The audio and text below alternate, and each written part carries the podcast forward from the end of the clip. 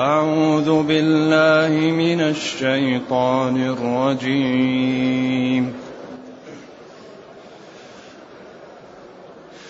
واصبر فإن الله لا يضيع أجر المحسنين. فلولا كان من القرون من قبلكم أولو بقية. أولو بقية ينهون عن الفساد في الأرض إلا قليلا إلا قليلا ممن أنجينا منهم. واتبع الذين ظلموا ما أترفوا فيه وكانوا مجرمين. وما كان ربك ليهلك القرى بظلم واهلها مصلحون ولو شاء ربك لجعل الناس امه واحدة ولا يزالون مختلفين الا من رحم ربك ولذلك خلقهم وتمت كلمة ربك وتمت كلمة ربك لأملأن جهنم من الجنة لأملأن جهنم من الجنة والناس أجمعين وكلا نقص عليك من انباء الرسل ما نثبت به فؤادك وجاءك في هذه الحق وموعظه وذكرى للمؤمنين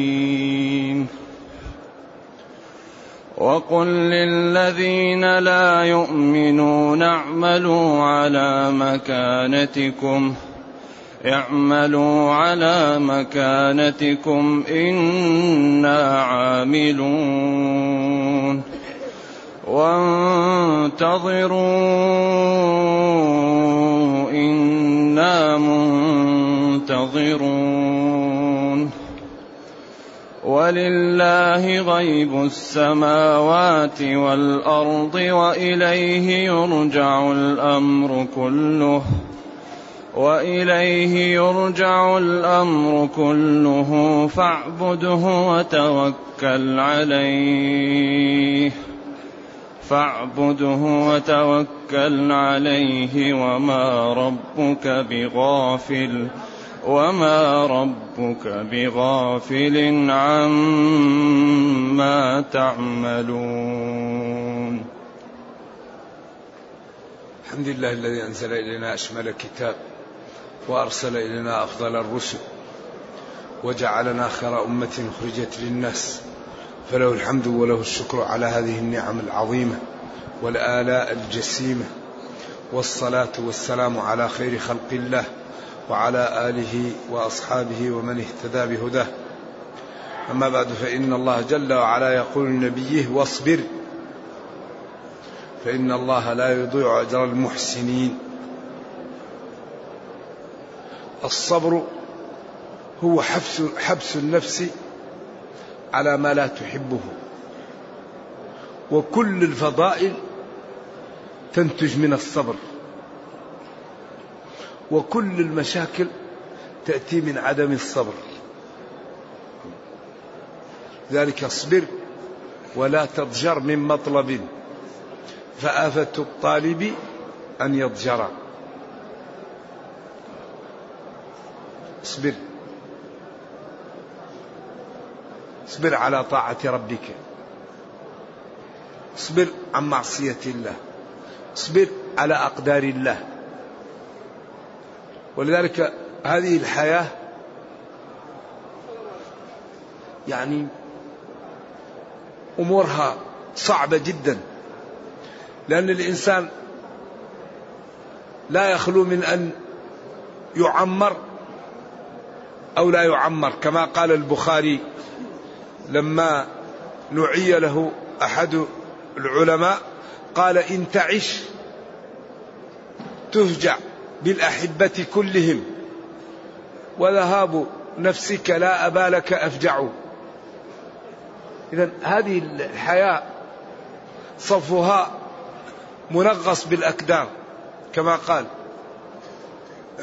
حكم المنية في البرية جاري. ما هذه الدنيا بدار قراري؟ فالإنسان إذا صبر فيها ينجح ويرتقي. وإذا الإنسان تابع شهواته ولم يكلف نفسه العناء خسر. ولذلك الله يقول لنبيه واصبر. من أهم الصبر الصبر على الطاعة. الطاعة كلها صعبة لأن فيها متاعب البدن فيها متاعب أحيانا الطاعة تكون من أدق الشهوات. الصوم أمر عجيب. أشد شهوة شهوة ما لا الطعام والشراب. والجنس هذه شهوة عجيبة. يقال لك أنت إذا صمت هذه الشهوات التي في القلب محبتها والتعلق بها تتركها. لا بد له من صبر. لذلك ورد عن النبي صلى الله عليه وسلم في الصحيحين عن أبي هريرة حجبت الجنة بالمكاره. حجبت الجنة بالمكاره. وحجبت النار بالشهوات. الله يقول النبي واصبر. اصبر عشان إيش؟ عشان الشهوات إنسان ينظر أي نظرة يريدها. يسمع أي كلام يريده. يتكلم أي كلام يريده. يأكل أي أكل يشرب أي شراب. خلاص الجنة محفوفة بالشهوات. فإذا احتجب الانس فإذا هتك العاقل حجبات الشهوات دخل في النار. عكس الجنة حجبت الجنة بالمكاره الصوم الصلاة غض البصر كف اللسان البذل البذل للوالدين البذل للجيران البذل للأقارب. من مالك من نفسك من راحتك. كل هذه مكاره. فإذا احتجب الإنسان المكاره دخل الجنة. ولذلك هذه الدنيا تعطي للإنسان ما يعطي لنفسه. فإذا الإنسان صبر على المكاره وتحمل ينال الجنة.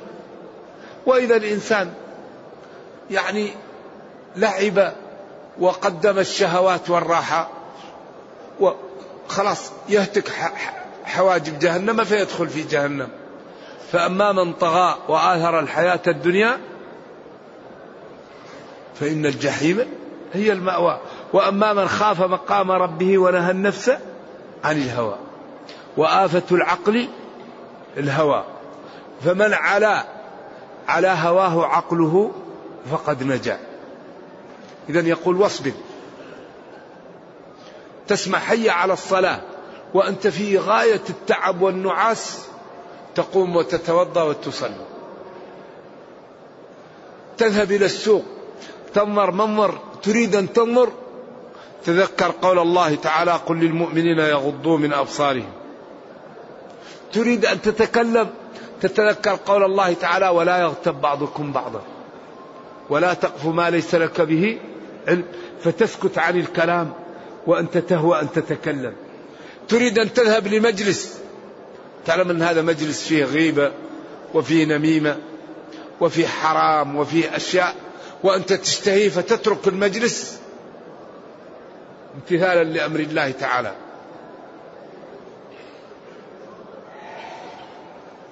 وإذا رأيت الذين يخوضون في آياتنا فأعرض عنهم حتى يخوضوا في حديث غيره. وإما ينسينك الشيطان فلا تقعد بعد الذكرى مع القوم الظالمين. القرآن لم يترك شيئا. كل شيء مبين. فذلك نبينا يقول له ربه واصبر. اصبر يا نبي. وكان صلوات الله وسلامه عليه آية في الصبر. يصلي وهو الذي غفر له ما تقدم من ذنبه وما تأخر حتى تتفطر قدمه. ويسمع له أزيز كأزيز المرجل خوفا من الله. وقالوا له ألم يغفر لك ربك ما تقدم من ذنبك وما تأخر؟ قال أفلا أكون عبدا شكورا؟ عائشة تتبعه. يذهب إلى البقيع في آخر الليل يدعو لأهل البقيع وتستيقظ والغرفة مظلمة فتتلمس فتجده ناصب رجلاه يقول سبوح قدوس رب الملائكة والروح. هي تنظر هل ذهب إلى رضي الله عنها لأن في قلبها الغيرة. هل ذهب إلى بعض الغرف؟ فقالت هو ناصب يصلي. ذلك امتثل صبر. ولذلك لم يؤذى أحد في الله مثل ما أذي. وضيع عليه سلاد جسور ورمي بالحجارة واتهم وجاءه الملائكة وقالوا له نحن نطبق عليهم الأخشبين. قال لا رب اغفر لقومي فإنهم لا يعلمون. ولذلك امتن علينا بقوله لقد جاءكم رسول من أنفسكم عزيز عليه ما عن حريص عليكم. واصبر يا نبي. اصبر على الطاعة. اصبر عن المعاصي. اصبر على الأقدار. لم يبق بعده من أبنائه إلا فاطمة. كلهم قد تقدموه وأوذي وصبر. واتهم وصبر. وسحر وصبر. وما كان ينتقم لنفسه. فإن الله لا يضيع أجر المحسنين. الفاء مفرعة ومومئة. وهذا يدل على أن الصبر من الإحسان. لأن من صبر فقد أطاع الله وامتثل وأحسن في عمله والله جل وعلا لا يضيع أجر المحسنين. فلذلك الناس تتمايز بالصبر. واحد يصبر على العلم يكون عالما. يصبر على شهواته يكون تقيا. يصبر على أذية الناس والبذل لهم يكون محبوبا ومحترما.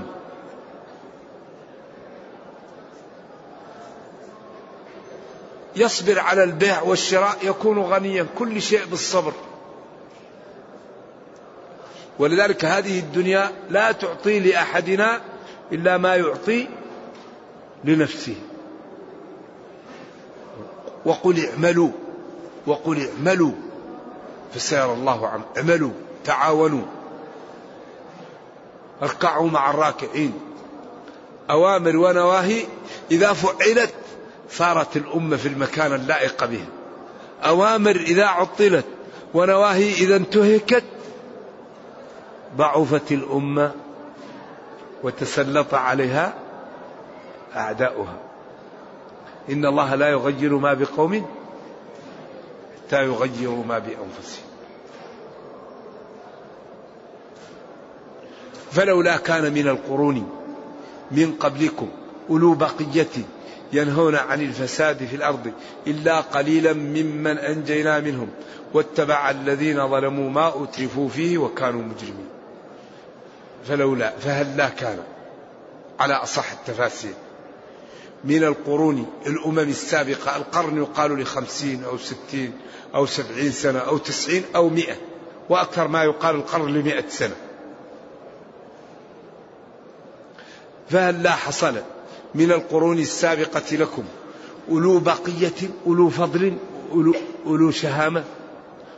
يقول فلان فيه بقية يعني فيه خير فيه فضل. فيه مروءة فيه سماحة. فهل لا حصل من القرون الماضية جماعة أصحاب فضل لا يعملوا هذه الأعمال السيئة؟ ينهون عن الفساد في الأرض حتى لا يحصل لهذه الأمم. ما حصل في الأمم السابقة وهل لا كان في الأمم السابقة؟ ما يقوم بالخير حتى لا يحصل لهم ما حصل.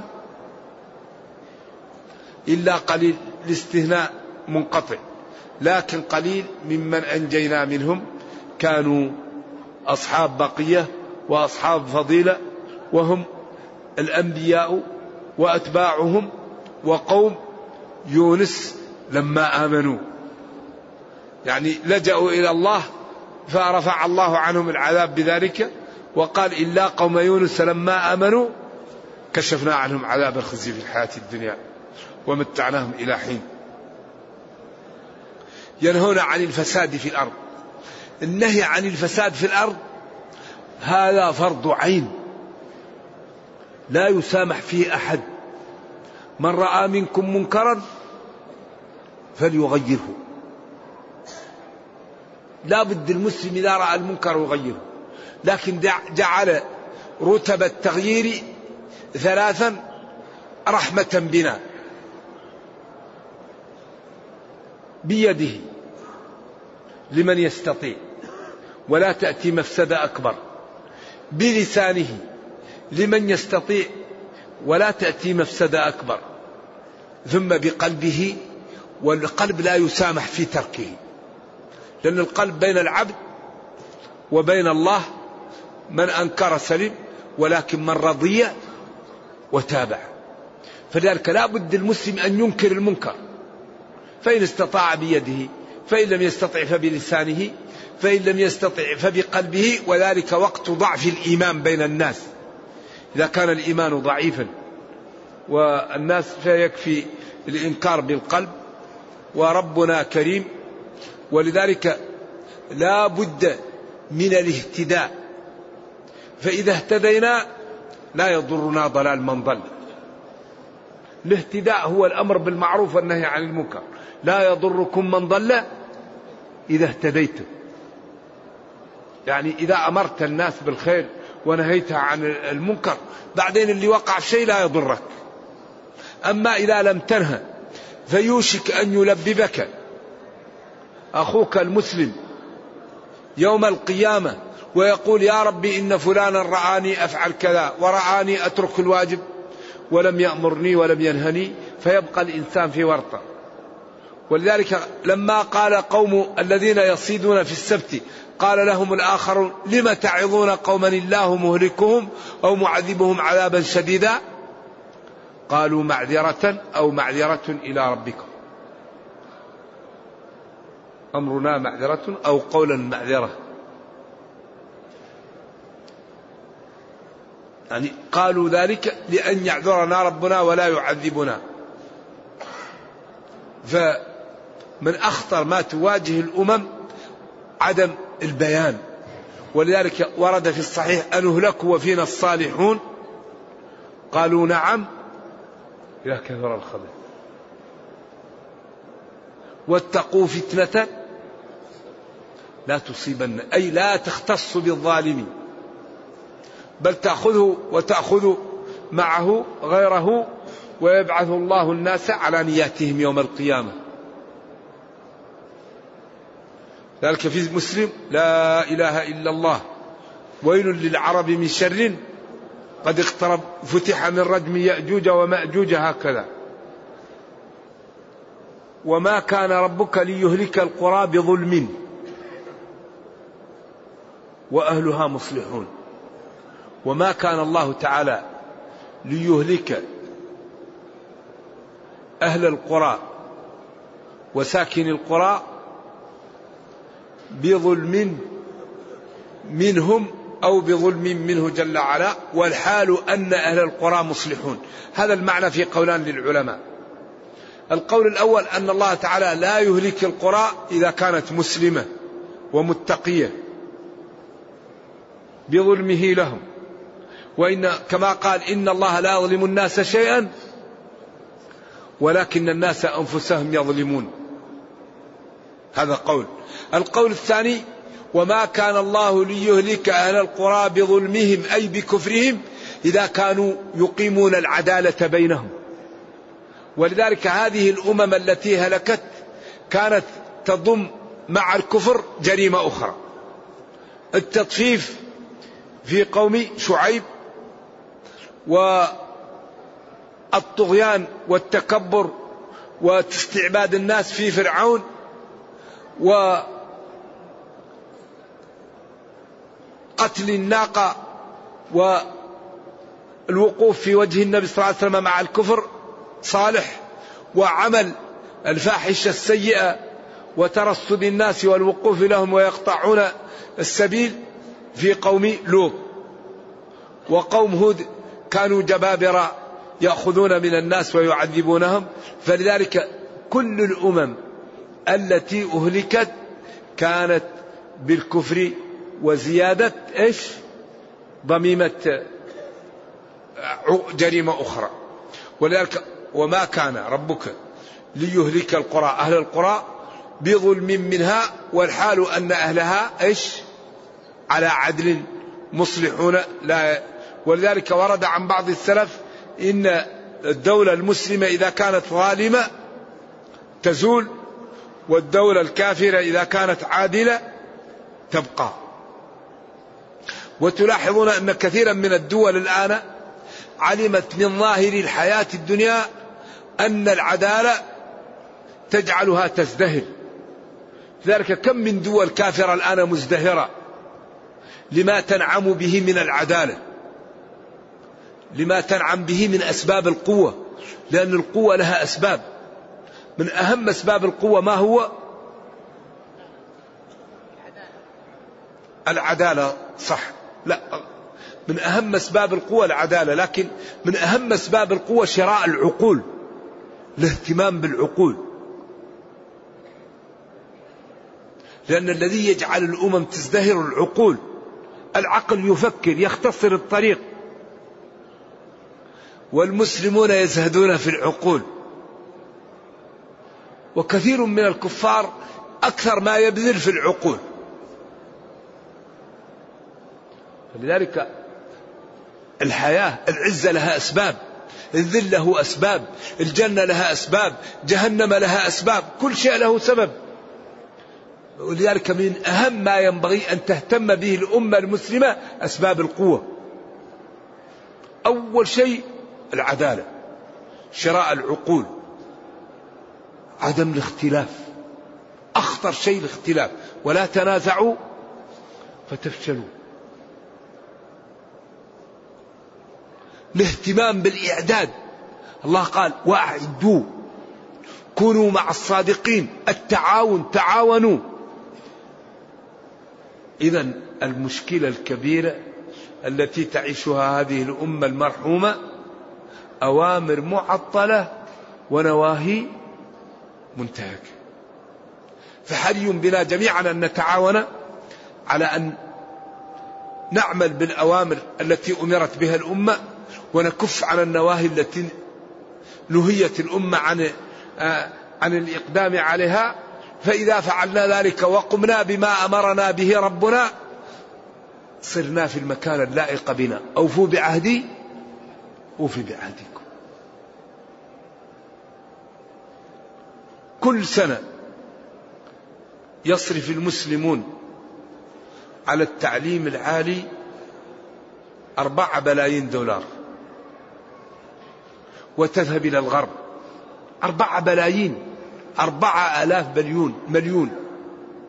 هذه للتعليم ما بعد الجامعات وتذهب إلى الغرب أطباء مهندسون حاسوبيون علماء ذرة. لا بد أن نشيع بين المسلمين الاهتمام بالعقول الاهتمام بالتعاون الاهتمام بأنفسنا. هذه الأمة المرحومة خير أمة أخرجت للناس.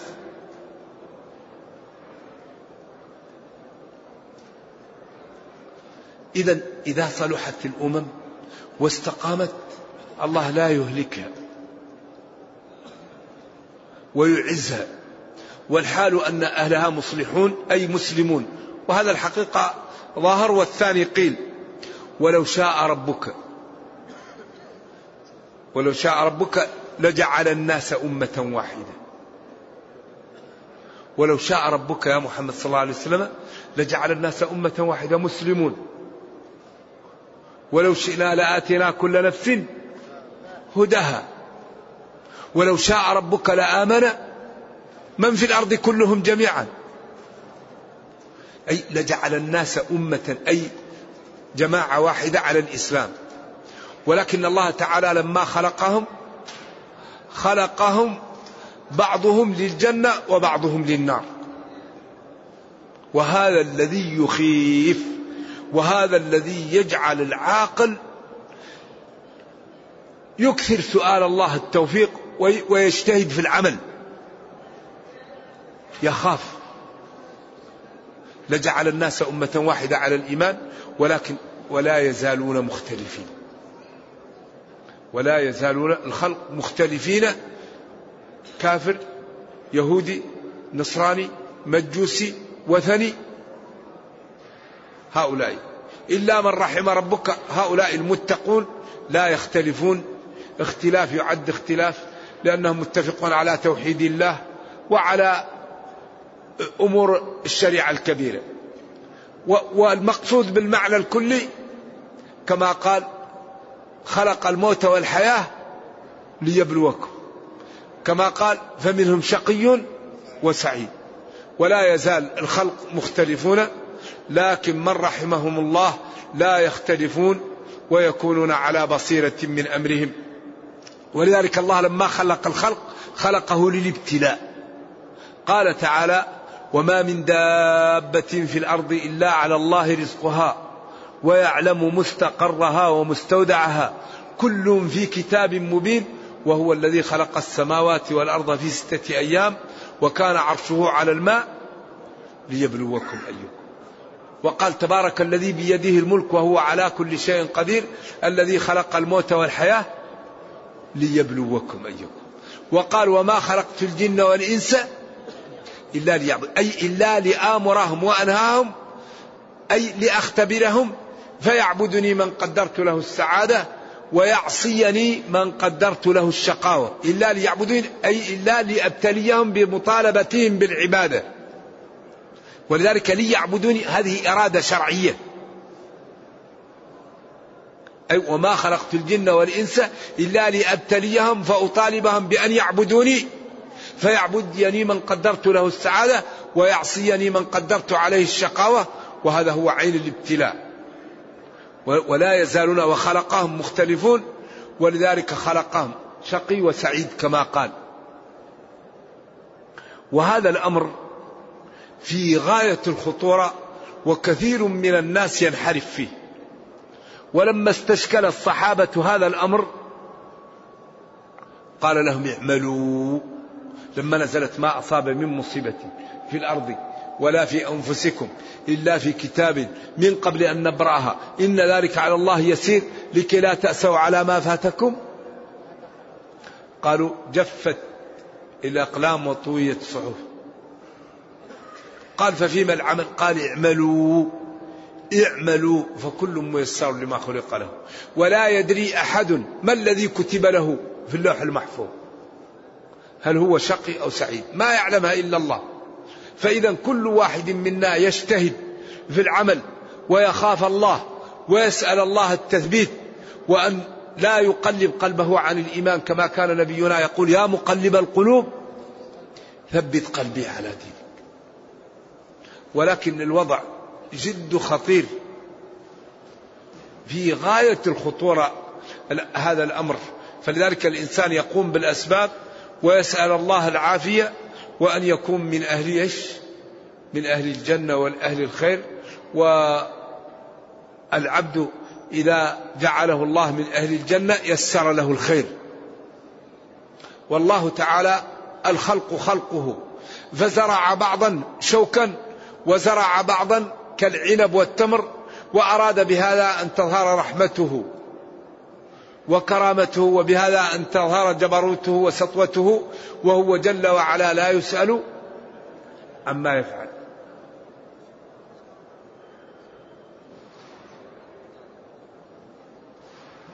ذلك كان الإمام سفيان الثوري كما يقول الذهبي في ترجمته في سير أعلام النبلاء أنه لما كبرت سنه كان يكثر البكاء. فقيل له يا إمام أنت على خير ما الذي يبكيك؟ قال لا أخاف من ذنوبي. قال ومما تخاف؟ قال نخاف أن يؤخذ إيماني قبل أن نموت. يخاف أن يسلب الإيمان لأن هذا الإيمان ما هو بيد الإنسان. الإيمان شيء يضعه الرب في قلب الإنسان.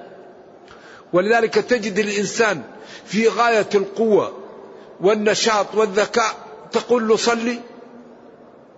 إذا جاءت الصلاة يقفل عليه. ما يمكن يصلي أبدا. أعوذ بالله.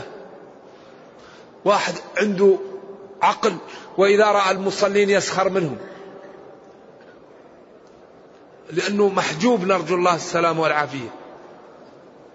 فلذلك نقوم بالأسباب ونسأل الله التثبيت وفي الصحيح فيما يبدو للناس. إن الرجل لا يعمل بعمل أهل الجنة فيما يبدو للناس. حتى لا يبقى بينه وبينها إلا ذراع فيسبق عليه القلم فيعمل بعمل أهل النار فيدخلها. وإن الرجل لا يعمل بعمل أهل النار فيما يبدو للناس. هذا في صحيح البخاري. حتى لا يبقى بينه وبينها إلا ذراع فيسبق عليه القلم فيعمل بعمل أهل الجنة فيدخلها. وأخطر ما يواجه الناس الواحد يقول لك يترك العمل. هذا يعني أن الشخص أعوذ بالله يخاف عليه. الإنسان الذي لا يقوم بالعبادات ويقول الذي أراده الله يقع هذا يخاف عليه. هذا أخطر ما يواجه الإنسان.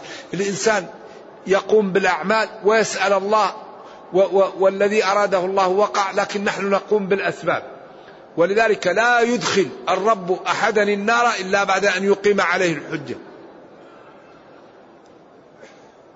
ولا يعذب الرب أحدا إلا بعد أن تأتيه الرسل وتبين له. وما كنا معذبين حتى نبعث رسولا. وما كان الله ليضل قوما بعد إذ هداهم حتى يبين لهم ما يتقون. اذا هذا الكون يحكمه قانون المبادلة. فالذي يريد الجنة يتقي الله ويعمل بطاعة الله ويعرف أحكام الواجب وأحكام الحرام فيمتثل ويجتنب.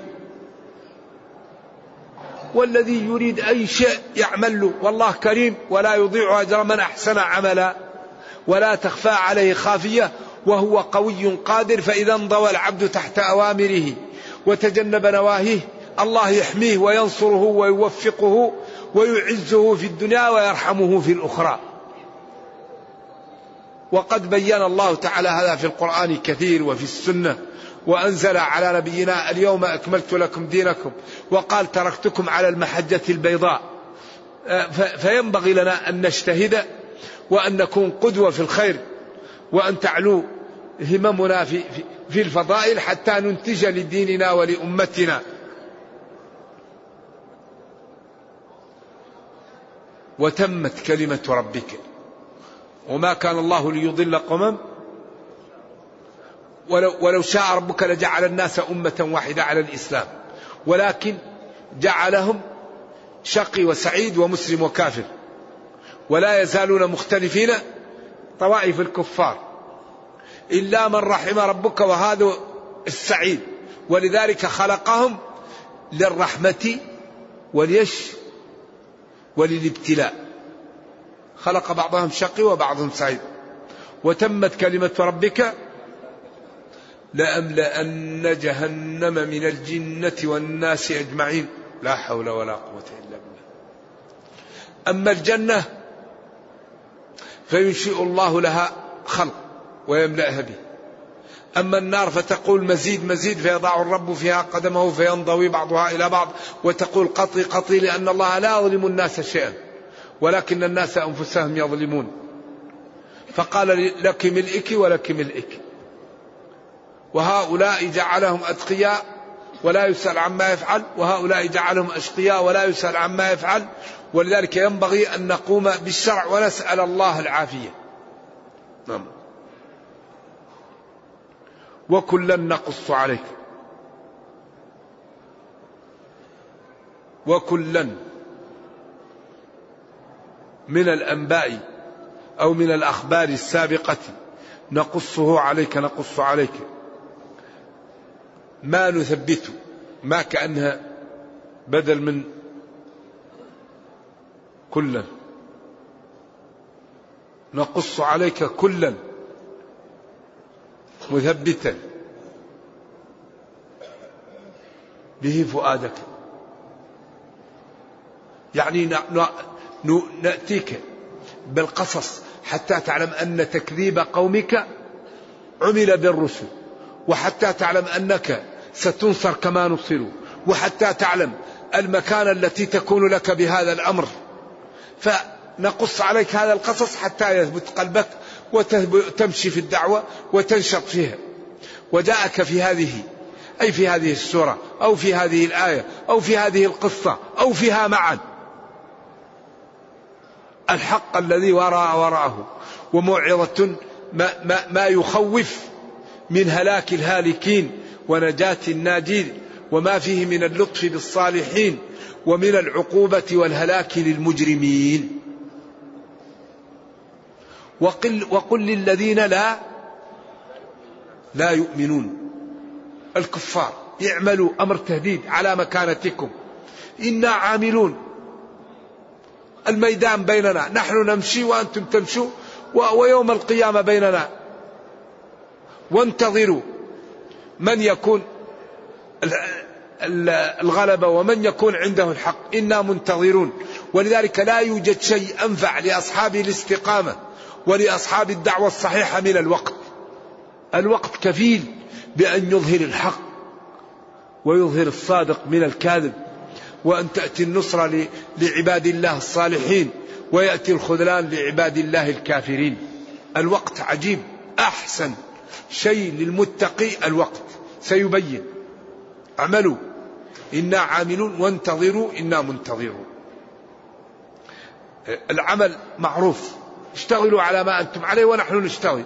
وانتظروا. والوقت الانتظار هو يعني أن الإنسان يعني يصبر حتى يأتي الشيء. ينتظره. لا يستعجل. ولله غيب السماوات والأرض. ولله علم وحكم وأمر وإحاطة غيب السماوات والأرض. وهذا لا يعلمه إلا الله. وهذا برهان على ما تقدم من هلاك الهالكين ونجاة الناجين أن الذي هذه صفاته حري بأن يصدق وأنه قادر على إهلاك من كذبه وقادر على إكرام من أطاعه واستقام عليه. كالبرهان. غيب السماوات والأرض. أي ما غاب في السماوات والأرض هذا الله محيط به يعلمه وأوجده ويتصرف فيه. أما أنتم فعلمكم قاصر ولا تملكون لأنفسكم شيئا فكيف تعلمون غير ذلك؟ ولذلك قال وما تسقط من ورقة إلا يعلمه وقال ما يكون من نجوى ثلاثة إلا هو رابعهم وقال ولو أن ما في الأرض من شجرة أقلام والبحر يمده من بعده سبعة أبحر وجعلنا البحار مدادا والأشجار أقلاما وجلس البشر يكتبون ملايين السنين مضروبون في الحصى لجفت البحار وتكسرت الأقلام وما نفدت كلمات الله. ما خلقكم ولا بعثكم إلا كنفس. إنه الله الله خالق السماوات والأرض. أمره إذا أراد شيئا أن يقول له كن. عالم الغيب والسلام كل ما في الكون. السماوات والأرض في يده جل وعلا أصغر من حبة خردل. فلما تجلى ربه للجبل لما اصطادوا يوم السبت قال لهم كونوا قردة. تغيرت أشكالهم. قال للصخرة اخرجي ناقة. تفجرت عن ناقة. قال للحجر أجري بثوب موسى.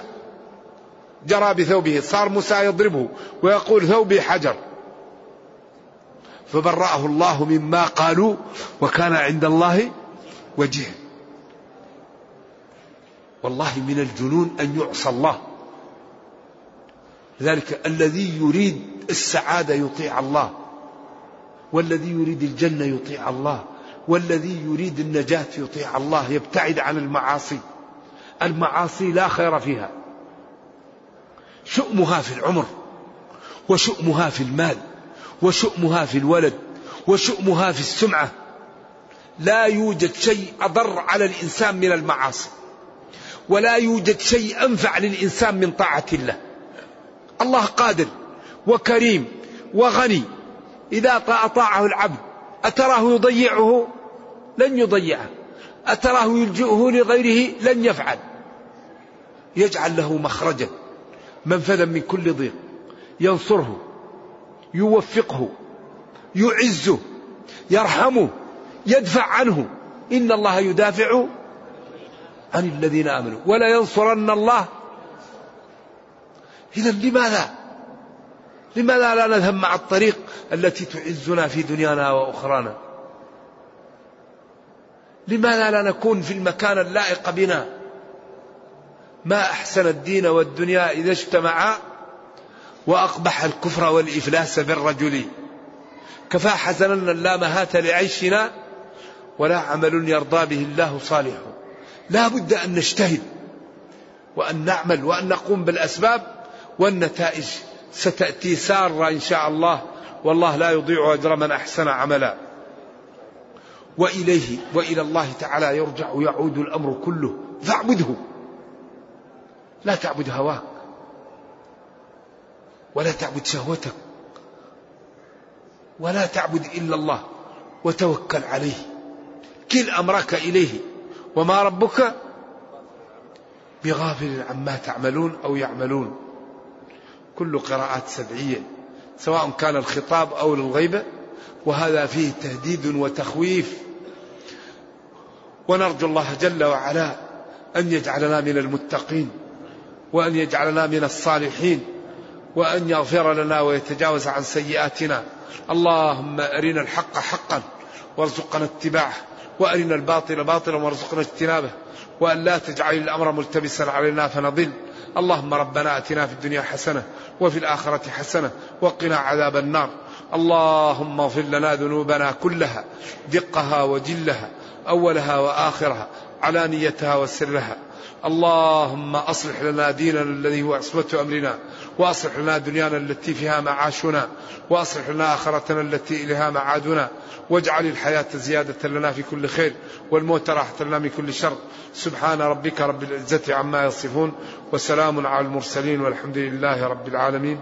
وصلى الله وسلم وبارك على نبينا محمد وعلى آله وصحبه والسلام عليكم ورحمة الله وبركاته. السلام ورحمة الله وبركاته.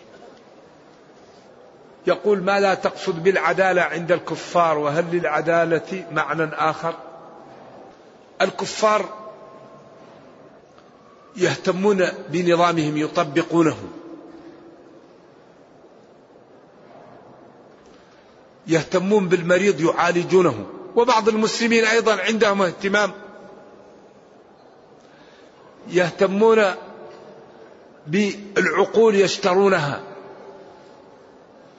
الذي يروه يعني مثلا تجد أنهم في الطريق كل واحد ماشي يأخذ سيرته، الآن إذا كنا في أي محل كل واحد يحاول إيش يسبق الثاني. فهم علموا من ظاهر الحياة الدنيا أن هذه الأمور تصلح دنياهم. لا يغشونك. المسلمون الآن إذا بايعت كثير منهم إيش؟ يغش يقول لك في المثل وعد إنجليزي، ليش ما تقول وعد مسلم؟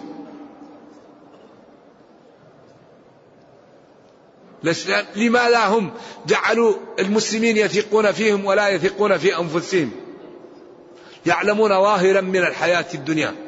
والغريب أن هذا ليس قبله إلا خبر الروم وفارس. ألف لام غلبت الروم. لذلك لماذا هم قوياء والمسلمون ضعاف. أول شيء شراء العقول تطبيق النظام الاهتمام بالعدالة.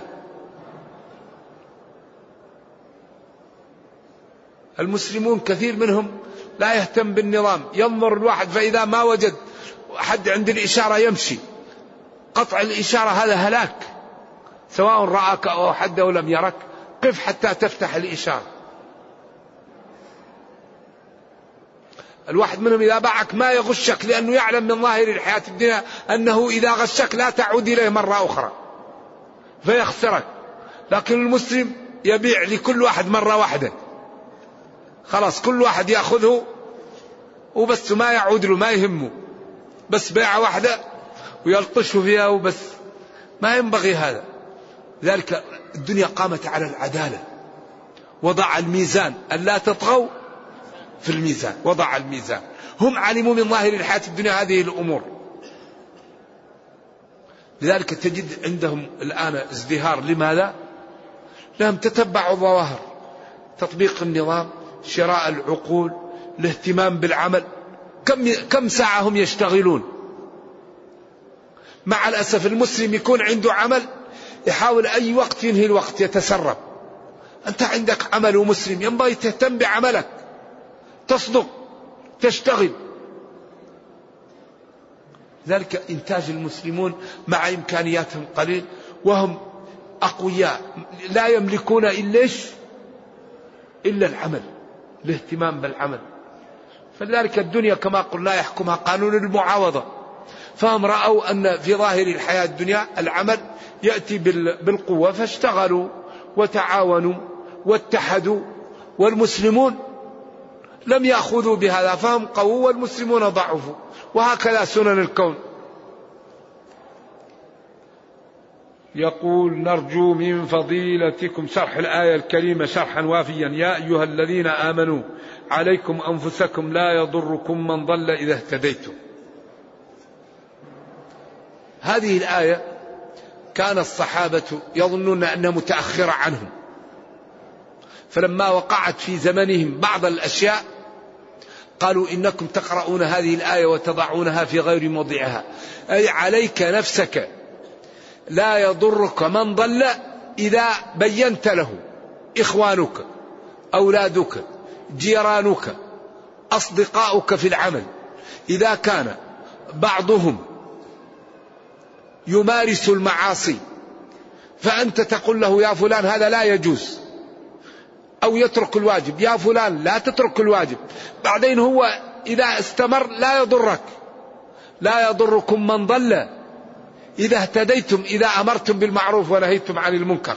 إذا أنت إذا لم تأمر بالمعروف ولم تنهي عن المنكر لم تهتدي. إذا قال إنكم تقرؤون هذه الآية.